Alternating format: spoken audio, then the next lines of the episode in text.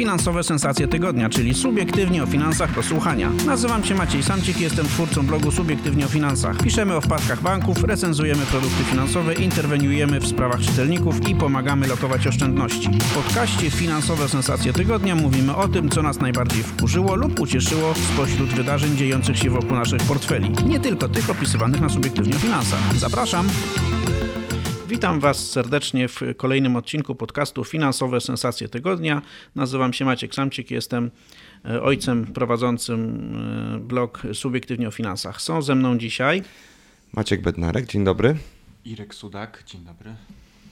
No i w tym jakże zacnym składzie porozmawiamy o tym, co nas najbardziej wkurzyło, zbulwersowało, zaciekawiło, zdziwiło w ostatnim tygodniu, jeśli chodzi o sprawy, które no, jakoś tam dotyczą naszych portfeli. W e, ostatnich dniach dość no, właściwie najgłośniejszą sprawą w kraju była kwestia podwyżek dla e, najważniejszych polityków.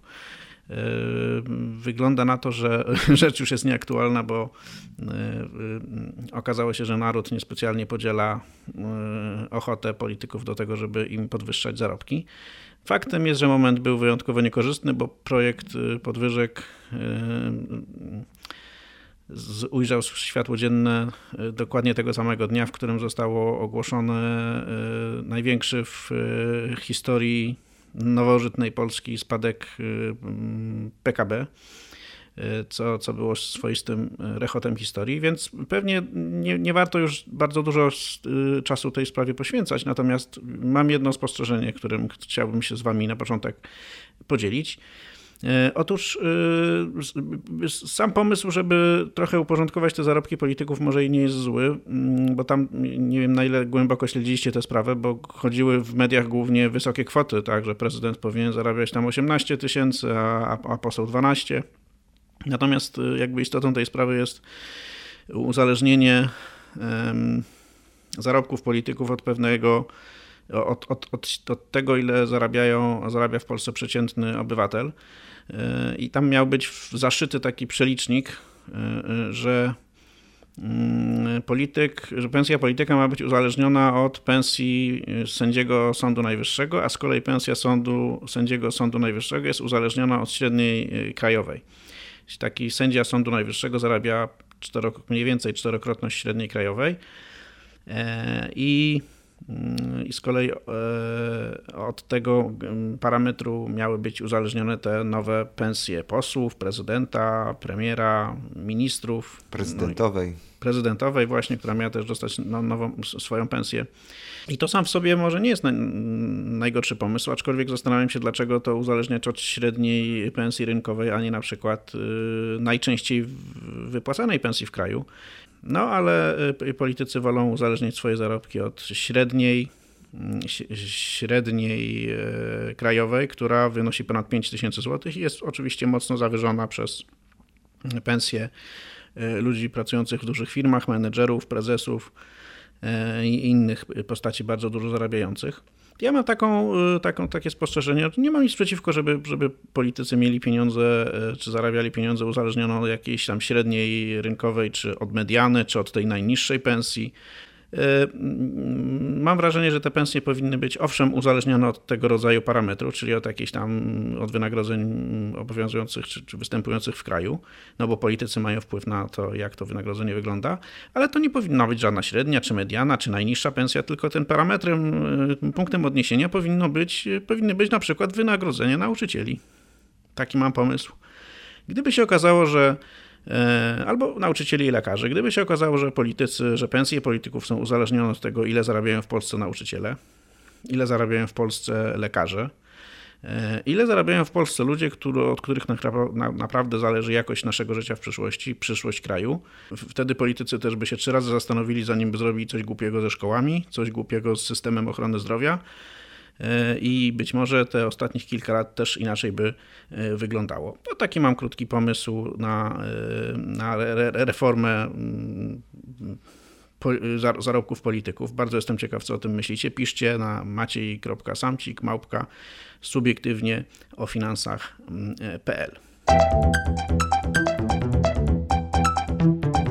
Teraz na chwilę oddam głos Maćkowi Bednarkowi, który przygląda się dość ciekawej sprawie związanej z transakcjami kartami płatniczymi. Rzecz polega rzecz poniekąd wiąże się z takim usprawnieniem, które zostało, zostało w, wdrożone w ostatnich miesiącach przez organizacje płatnicze i przez cały system bezgotówkowy, banki, te firmy rozliczeniowe.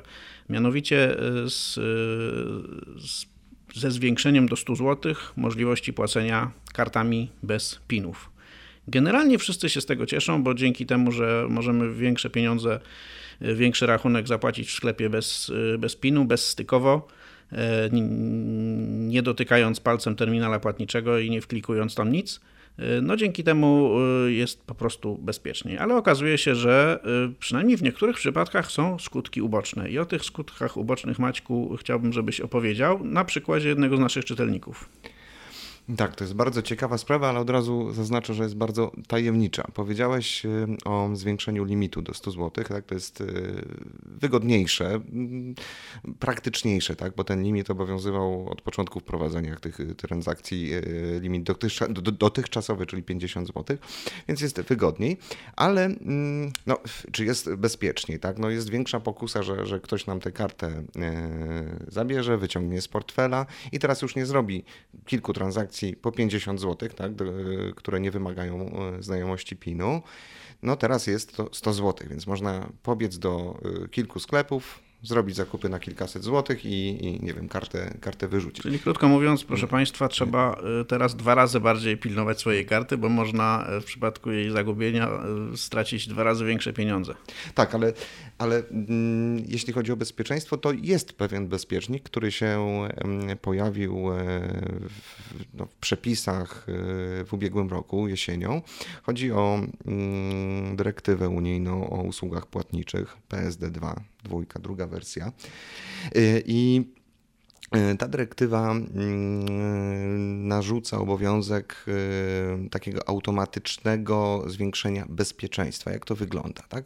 Chodzi o to, że przy piątej transakcji kartą zbliżeniową, która nie wymaga podawania PIN, PIN-u, ten PIN musimy podać, tak? Czyli to jest jak gdyby taka weryfikacja co, co chwilę, także że jednak to my jesteśmy uprawnieni do płacenia kartą, znamy, znamy PIN. Taki szybciutki przykład, tak? Y, pierwsza transakcja, robię sobie zakupy w sklepie, w pierwszym 50 zł, wiadomo, bez PIN-u, w drugim 30 zł, y, w czwartym 80 zł, w, czwartym 100 zł, tak? Nigdzie nie musiałem podawać PIN-u, ale idę do piątego y, sklepu i płacę 20 złotych. I wtedy, mimo że ta transakcja nie powinna e, wymagać e, PIN-u, ten PIN jak gdyby automatycznie zostaje wymuszony. No ktoś może się po prostu zdziwić.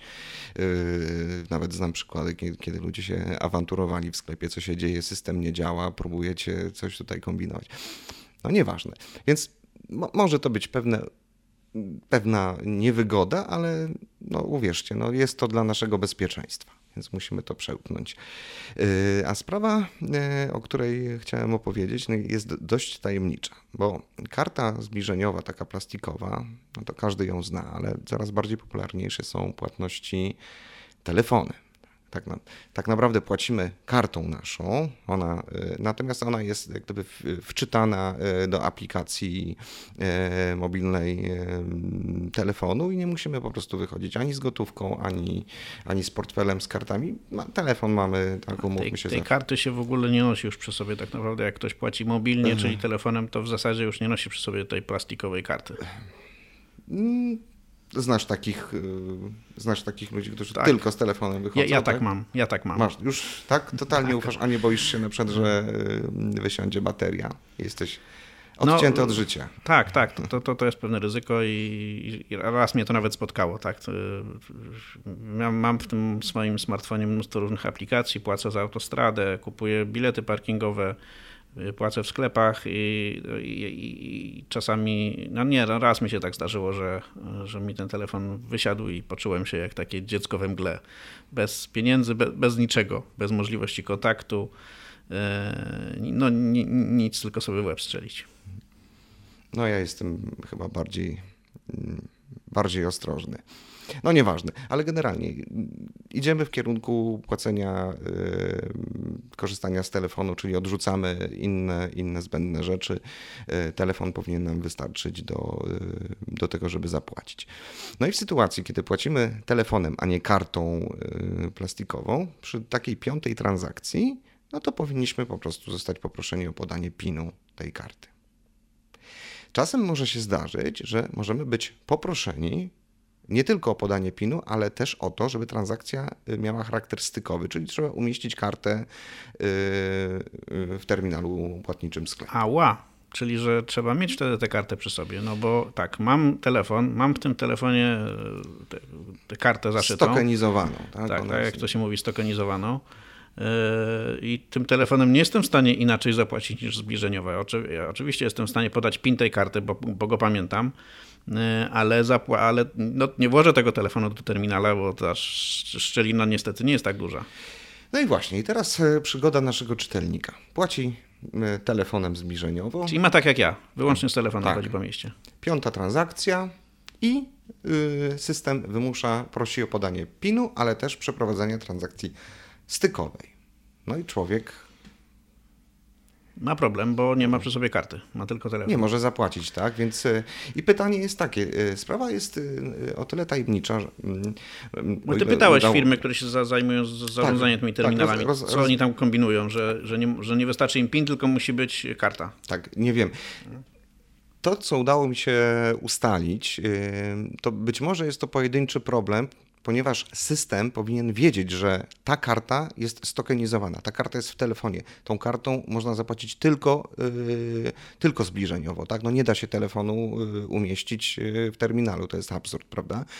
I być może sytuacja, tutaj wyjaśnieniem jest po prostu problem na przykład banku, to, że bank po prostu źle opisał tę kartę, tak? jego specyfikacja jest System powinien wiedzieć, że to jest karta yy, w, telefonie. w, telefonie. a nie mhm. karta plastikowa. Mhm. Być może tu jest problem. Natomiast no, nasz czytelnik płacił. Yy, a, problemem może być też yy, nie, niezaktualizowany terminal, który. Nie chcę tutaj wchodzić yy, już w takie, takie, takie szczegóły, bo, bo o szczegółach możecie przeczytać artykuł na ten temat, który, który już albo, albo lada chwila się pojawi na subiektywnie o finansach. Yy, więc może być problem albo, albo tego, że, że karta yy, mobilna, mobilna, tak ją nazwijmy, jest y, czytana jako, y, jako karta plastikowa, albo coś jest z terminalem. Natomiast no, czytelnik y, mówił nam, że, że ten problem pojawiał się w kilku miejscach, więc no tutaj wyjaśnienie, że, że coś z terminalem jest tak, jest, jest czytelnik, czytelnik podejrzewa, że to może być błąd systemowy, to znaczy, że to być może jest jakaś odgórna regula, zmiana odgórnej regulacji, która powoduje, że owszem, e, zwiększyli nam możliwość bezpinowego płacenia e, kartami z 50 do 100 zł w czasach pandemii, ale jednocześnie z, z pogorszyli e, komfort tego płacenia, bo wcześniej nie trzeba było nosić przy sobie karty, bo nawet jak ten PIN był wymagany, to no nie, nie trzeba było mieć przy sobie karty, a teraz owszem, limit jest wyższy, ale nie można wyjść z domu bez plastikowej karty płatniczej bez portfela e, lub też bez kalendarzyka, w którym sobie notujemy, czy to już jest trzecia, czy czwarta, czy może piąta transakcja. E, e, w sklepie dokonywana tą kartą. No i tu, tu, mamy problem, bo nie wiemy, czy to jest. E, znaczy, według hmm. naszych informacji, z tego co nam mówią ludzie od terminali, to raczej jest to błąd, kwestia jakiegoś błędu. Pojedynczego, takiego jednostkowego, tak? Na, na poziomie banku konkretnego, ban, tak? Tak, tak bank, bank, który tę kartę wydał, y, być może źle Aha. sparametryzował. Ale może niekoniecznie. No, dlatego o tym mówimy, bo może się zdarzyć, że ktoś z Was ma taki problem też. Tak. Albo się z tym spotkał, bo ja, mi się wydaje, że miałem taki problem raz. To znaczy, w, w, raz z nienacka przestała mi działać e, karta w telefonie. Nie skojarzyłem, że to może być problem, e, problem dotyczący PIN-u i po prostu zapłaciłem inną kartą. Natomiast e, którą też miałem w telefonie, ale nie, nie wykluczone, że, że odbiłem się od tego samego problemu, a yy, więc no, niekoniecznie może być to taka sprawa jednostkowa. Stąd nasza prośba, jeżeli się spotkaliście z podobną sytuacją, czyli płacicie telefonem zbliżeniowo, a terminal żąda od Was podania PIN-u, nie tylko PIN-u, ale też umieszczenia fizycznego karty, coś jest nie tak, więc sygnalizujcie, piszcie maciej.bednarek małpa subiektywnie o finansach.pl jeżeli, jeżeli się z taką sytuacją spotkaliście, będziemy ten problem wyjaśniać. Zobaczymy, czy to tylko problem po stronie banku, czy też jakaś większa dziura. Lub nie? też problem po stronie kilku banków, lub też w ogóle dziura w systemie, która się pojawiła e, przy okazji jego polepszania, czyli no, z jednej strony polepszyli, a z drugiej pogorszyli. No, o, oby nie. No, piszcie, sygnalizujcie, a my będziemy e, sprawę cały czas badać. Pozostając w kręgu koronawirusowym, chciałbym Wam y, y, dwa słowa opowiedzieć o y, aplikacji Protego Safe. Protego Safe to jest ta rządowa aplikacja, która ma pomagać w walce z koronawirusem. Ma pomagać na tym poziomie, y, y, że y, ona śledzi tak naprawdę nasze kontakty z innymi ludźmi. Gdyby się okazało, że jesteśmy chorzy, to jesteśmy w stanie za pośrednictwem takiego specjalnego centrum alarmowego powiadomić tych wszystkich ludzi o tym, że kontaktowali się z kimś, kto mógł rozsiewać wirusa COVID-19. Takie aplikacje śledzące kontakty są coraz popularniejsze w e, krajach zachodnich i szczerze mówiąc w Azji właśnie dzięki tego typu systemowi udało się COVID-19 bardzo mocno zahamować. Mm, no bo po prostu e, bardzo szybko po zidentyfikowaniu konkretnego przy, przypadku choroby dało się dotrzeć do wszystkich ludzi, z którym chora osoba miała E, kontakt. No i my w Polsce też mamy taką, taką aplikację. Ostatnio Ministerstwo Cyfryzacji dosłownie kilka dni temu pochwaliło się, że ściągnęło ją już, uwaga, pół miliona Polaków i że jest to powód do radości oraz e, do chwały. Powiem szczerze, szczęka mi opadła dość nisko, jak się, jak się dowiedziałem e, o tych statystykach, bo pamiętam jak kilka tygodni temu podobny system, czy nawet kilkanaście tygodni temu, bo to było w czerwcu jeszcze, no nie, kilka, kilka tygodni temu w czerwcu ten y, podobny system, podobna aplikacja została wprowadzona na rynek niemiecki i tam w ciągu pierwszych 24 godzin od jej y, publikacji y, miała ona bodaj 7,5 miliona ściągnięć. No oczywiście Niemcy są większym krajem niż Polska, więc te 7,5 miliona to to jest pewnie da się, dałoby się porównać z 3,5 czy, czy nieco ponad 3 miliona u nas, no ale, ale porównajmy liczby, tak? W Polsce mamy po kilku tygodniach y, wprowadzenia, od wprowadzenia tej aplikacji na rynek y, i jej promowania aktywnego w telewizji, bo nie wiem, czy widzieliście, ale była, czy nawet nadal być, być może jest mocna kampania reklamowa w, w, telewizji tej aplikacji. No i po tych kilku tygodniach mamy pół, pół miliona ludzi, którzy z niej korzystają a w Niemczech po 24 godzinach było kilka milionów ludzi. No oczywiście e, sprawa jest o tyle mało dziwna, że nie wiem, czy pamiętacie, ale pierwsze podejście e, do, do tej aplikacji to była totalna porażka, bo e, nie wiem, kto, kto, na ile to było, na ile to był sabotaż, a na ile na, po, po, prostu z, głupota ludzi, którzy się tym zajmowali, ale bardzo szybko się okazało po debiucie, że ta aplikacja przyznaje sobie dużo większe uprawnienia dotyczące śledzenia nas niż, e, niż to e, oficjalnie komunikuje. No i, i nastąpiła totalna kompromitacja na kilka tygodni czy na kilkanaście dni. Sprawa ucichła i potem została wprowadzona de facto druga wersja tej aplikacji, która już jest bezpieczniejsza i powiedzmy, że nie inwigiluje w tak agresywny sposób, jak ta pierwsza. Szczerze mówiąc, y, wydaje mi się, że, że, że ona jest dość bezpieczna, bo y, ta ostatnia wersja, bo mm, y, ona jest zrobiona trochę na taki, korzysta przede wszystkim z mechanizmów opracowanych przez Google'a i, i Apple'a, a więc nie, nie ma tego podstawowego błędu, który był w pierwszej wersji, czyli komunikacji z jakąś centralną bazą danych, która jakieś dane tam zbiera, mieli i sobie wypuszcza. Tutaj jest to system taki zdecentralizowany, trochę podobny do, e, do tego, jak działa blockchain, o, e, mianowicie wszystkie dane dotyczące tego, z jakimi smartfonami kontaktował się nasz smartfon przez ostatnie dwa tygodnie, są przechowywane wyłącznie u nas lokalnie i dopiero w sytuacji, w której zostaje u nas zdiagnozowany koronawirus, Y, to dostajemy telefon z centrum alarmowego i, i dostajemy taki specjalny kod, który nas uprawnia do tego, żeby aktywować ten system powiadamiania. I wtedy z naszego smartfona na smartfony wszystkich osób, z którymi się kontaktowaliśmy, jest wysyłane takie powiadomienie. Drogi y, Drogi posiadaczu smartfona, kontakt w ciągu ostatnich dwóch tygodni miałeś kontakt z osobą chorą na koronawirusa, bardzo proszę skontaktuj się z centrum alarmowym lub zapodaj sobie dwutygodniową kwarantannę. Więc sam system wygląda dość fajnie i dość bezpiecznie. Natomiast poziom popularyzacji tej aplikacji, czyli te pół miliona osób, które z niej korzystają w ciągu po, po kilku tygodniach od debiutu, no i niestety nie, nie, nie wskazuje na to, żeby to miał być sukces. Żeby to miało sens, to znaczy, żeby ta aplikacja rzeczywiście e, w sposób skuteczny mogła ograniczać rozprzestrzenianie się koronawirusa, no musiałoby z niej korzystać kilkanaście milionów ludzi. Bez tego nie ma, nie ma mowy o tym, że to wzajemne powiadamianie się o kontakcie z osobą zakażoną uda się w sposób skuteczny wykonać.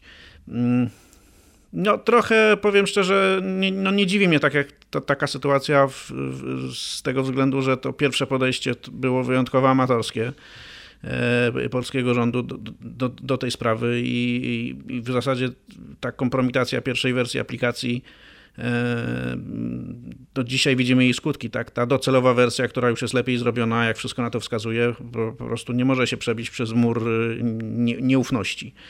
E, co jest o tyle e, przykre, że mamy dzisiaj właśnie ten, ten moment, w którym ta aplikacja by nam się najbardziej przydała, bo jak widzimy te zdjęcia, które się z nadmorza, te tłumy ludzi przewalające się przez promenady, leżących obok siebie na plaży, e, stykających się ze sobą w restauracjach, barach i lokalach, no to nie ma wątpliwości, że tam wśród tych osób są zakażeni koronawirusem i, i w zasadzie nie, jeśli nie mamy tej aplikacji, jeśli ci wszyscy ludzie nie mają tej aplikacji, to w zasadzie nie ma żadnej możliwości, żeby e, wychwycić, e, żeby, żeby spróbować e, wychwycić tych ludzi, którzy mogli się kontaktować z, z chorą osobą. Nie wiem, Irku, ty, też jakiś czas temu się zajmowałeś tą aplikacją, opisywałeś się pierwszą wersję, to twoim zdaniem te, te nasze obawy o, tym, o to, że, te, że ta aplikacja będzie nas śledzić, i one mają sens, czy, czy to jest trochę nadwyrost, jakkolwiek usprawiedliwione tym fakapem na samym początku, e, to może jednak trzeba zachęcać ludzi, żeby korzystali z tego Protego Safe. Ja należę do entuzjastów e, nowoczesnych technologii i różnych e, nowinek. Także na, na, spotkanie tutaj z Wami przyjechałem tylko z telefonem. Y, nie mam już y, papiero, y, plastikowego dowodu osobistego ani prawa jazdy. Kartę też mam już zaszytą w telefonie. I mm, niepokoi mnie i zastanawia właśnie mała liczba pobrań aplikacji. Ja sam przyznam, że też jej nie mam. Miałem pierwszą wersję, natomiast. Mm, nie, jej funkcjonalności nie, nie, nie, przekonały mnie do tego, że uchroni mnie ona przed y, zakażeniem. Muszę nad tobą jeszcze popracować w takim razie. Zapewniam Państwa, że za tydzień Irek już będzie mówił zupełnie inaczej. To ja po poddam pierwsze. go odpowiedniej presji y, i myślę, że tutaj się wiele zmieni. Tak się zastanawiam, że ja nie mam zbyt wiele okazji, tak mi się wydaje przynajmniej, może się mylę, żeby się, e, że tak powiem, e, zarazić koronawirusem, ale, ale jeśli miałbym wziąć udział w zbliżającym się, uwaga, forum ekonomicznym w Krynicy, które w tym roku będzie w hotelu w Karpaczu, E, no to wydaje mi się, że e, e, posiadanie takiej aplikacji na wyposażeniu telefonu powinno być nieodzowne wśród wszystkich uczestników, no właśnie po to, żeby przy, po intensywnym dniu wypełnionym konferencjami, spotkaniami, rozmowami mieć pewność, że Y, żaden interlokutor nie był nosicielem koronawirusa. No, pewność to mamy tylko taką, że się dowiemy y, za kilka dni czy za kilkanaście dni, y, że mieliśmy kontakt. No, za pomocą tej aplikacji się dowiemy. Natomiast hmm, No nie jest to jedyna aplikacja rządowa, tak, która, którą, którą mamy w smartfonie. Tak, wspomniałem, że przyjechałem tutaj do Was bez do dokumentów, przynajmniej w formie tradycyjnej, plastikowej. Jestem użytkownikiem aplikacji M-Obywatel i mm, tak się po ludzku zastanawiam i, i, i, i trochę dziwi mnie to, że wiele osób mm, boi się nagrać aplikację Protego Save, która y, z definicji ma nas w jakiejś formie śledzić, a z drugiej strony. Ale nie przekazując naszych danych do centrali żadnej rządowej. Tak, tak przynajmniej mm, ta druga wersja jest y, komunikowana i to mniej więcej wyszło z jej testów. Tak jest. Hmm.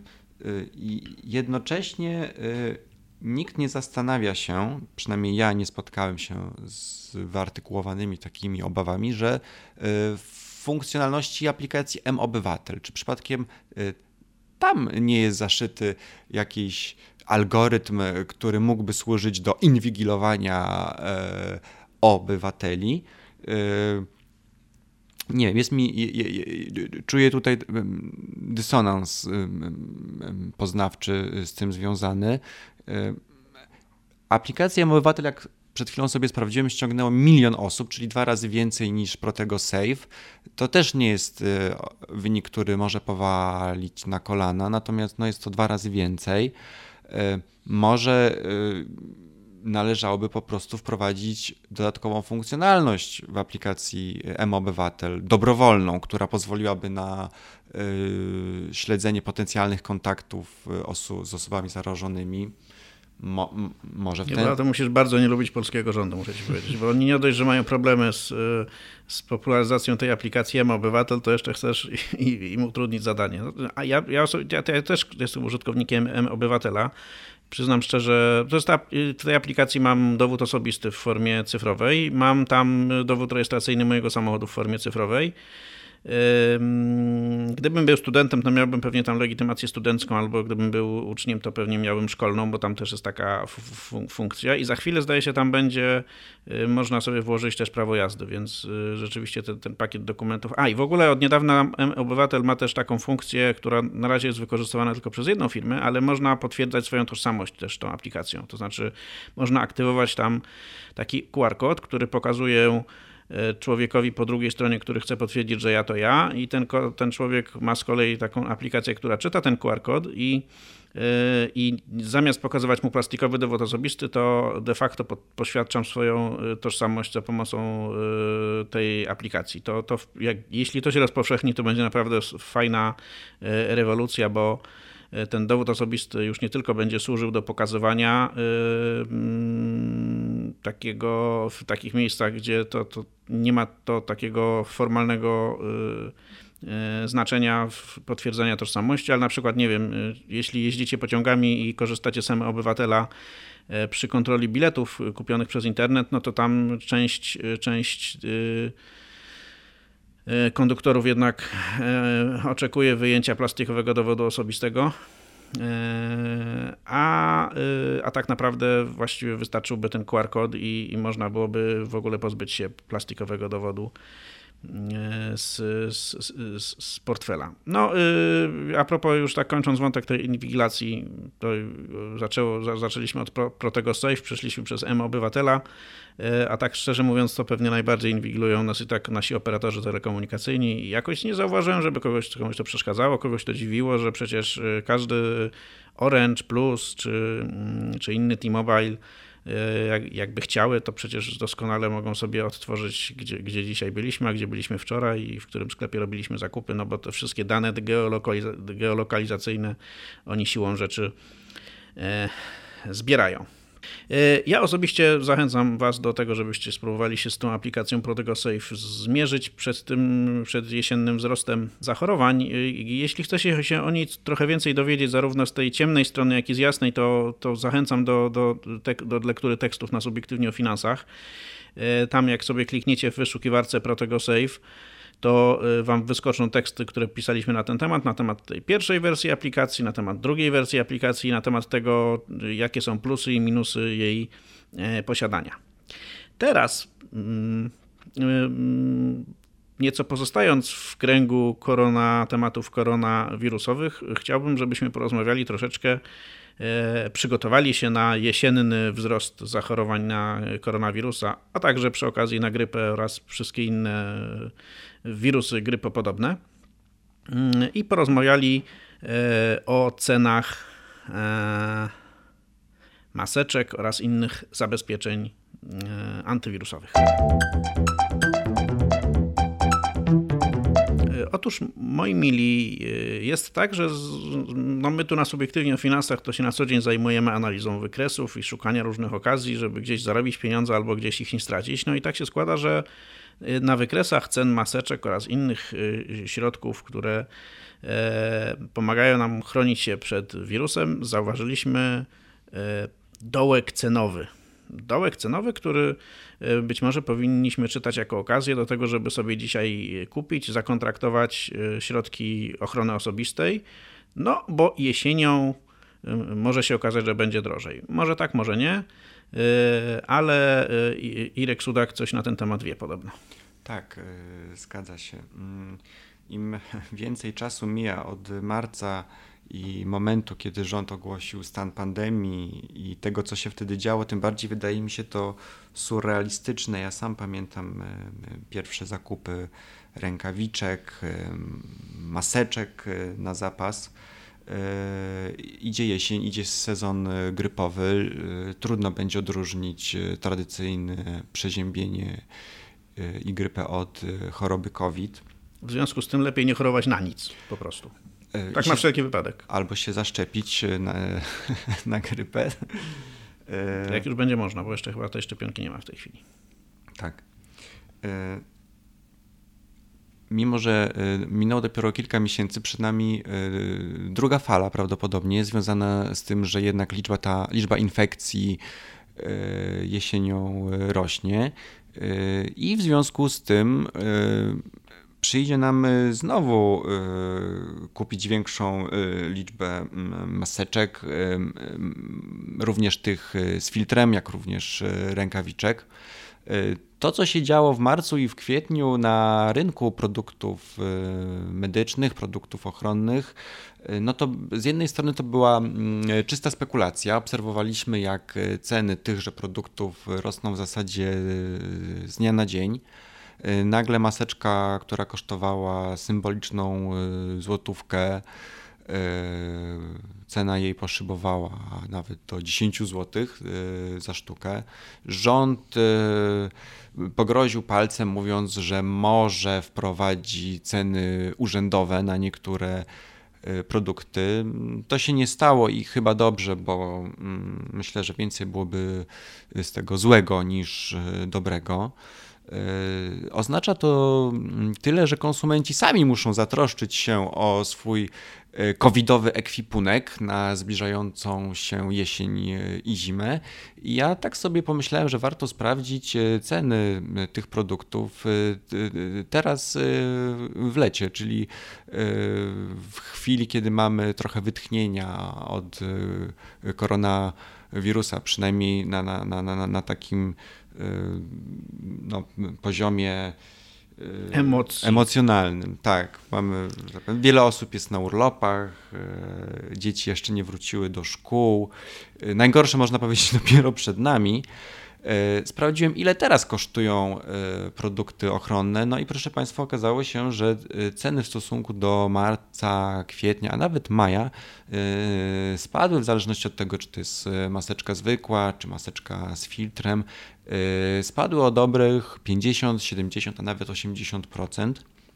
Także jeżeli ktoś myśli, żeby się przygotować solidnie na jesień, i przeżyć ją w zdrowiu, to być może teraz jest ostatni moment, y, żeby zrobić większe zakupy. No tak, bo te maseczki takie naj, najwyższej jakości, te, które nie tyle chronią innych przed nami, przed naszym wirusem, ale też nas chronią przed przyjmowaniem wirusów z otoczenia, czyli z, filtrem FFP, no to one jeszcze, y, pamiętam, 2-3 miesiące temu kosztowały ponad, grubo ponad 100 zł, jedna sztuka potrafiła kosztować.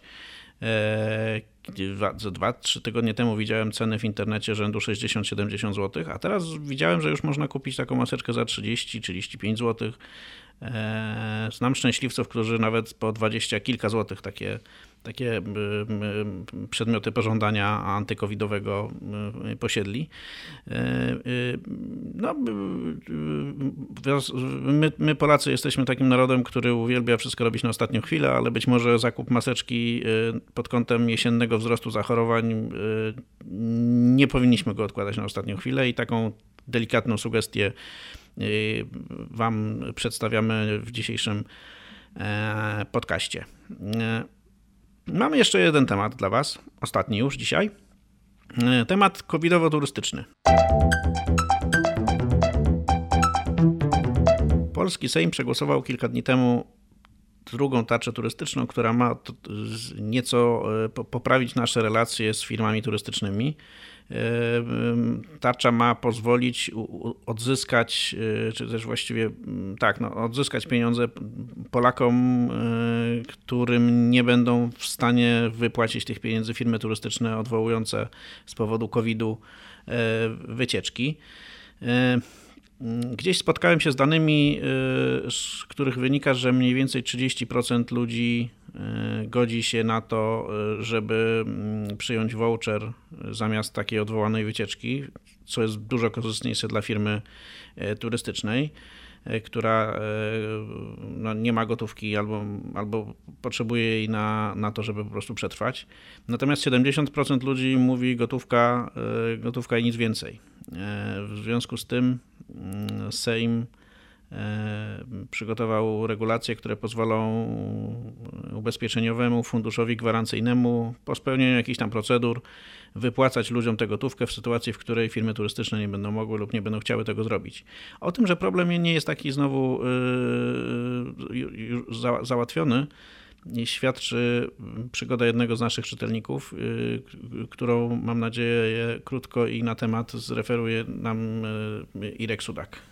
Zgłosił się do nas e, pan Marek, który należy do tej grupy 70% osób, które wolą gotówkę niż voucher.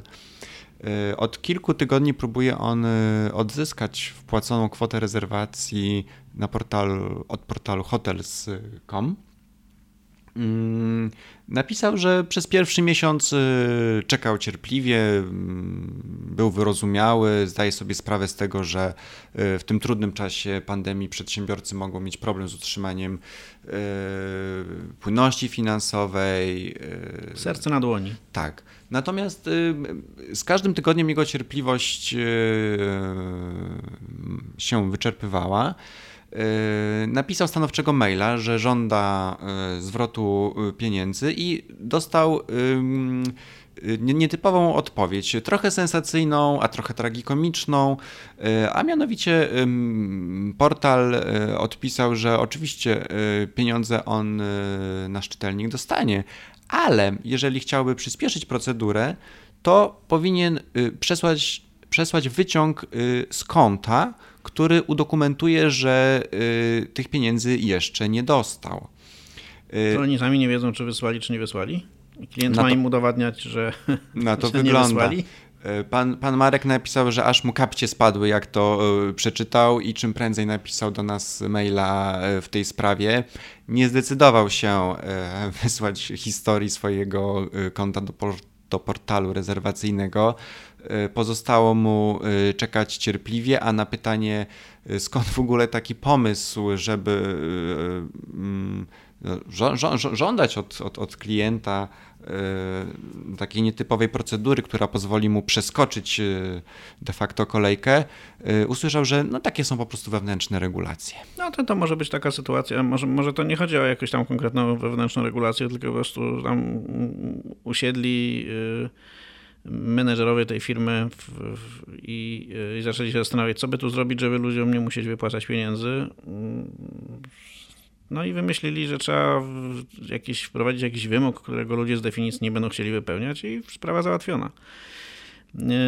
No, nie dziwimy się trochę, że firmy turystyczne nie, pałają chęcią zwracania ludziom gotówki. Wolałyby, żeby do, do klientów wędrowały vouchery na przyszłe podróże, ale też nie dziwimy się klientom, że, którzy no nie zawsze chcą te vouchery brać, no bo też znamy wiele przypadków ludzi, którzy stracili pracę, którzy wiedzą, że w ciągu najbliższego roku nie ma mowy o tym, żeby e, gdzieś wyjechać i, e, i skorzystać z jakiejś wycieczki.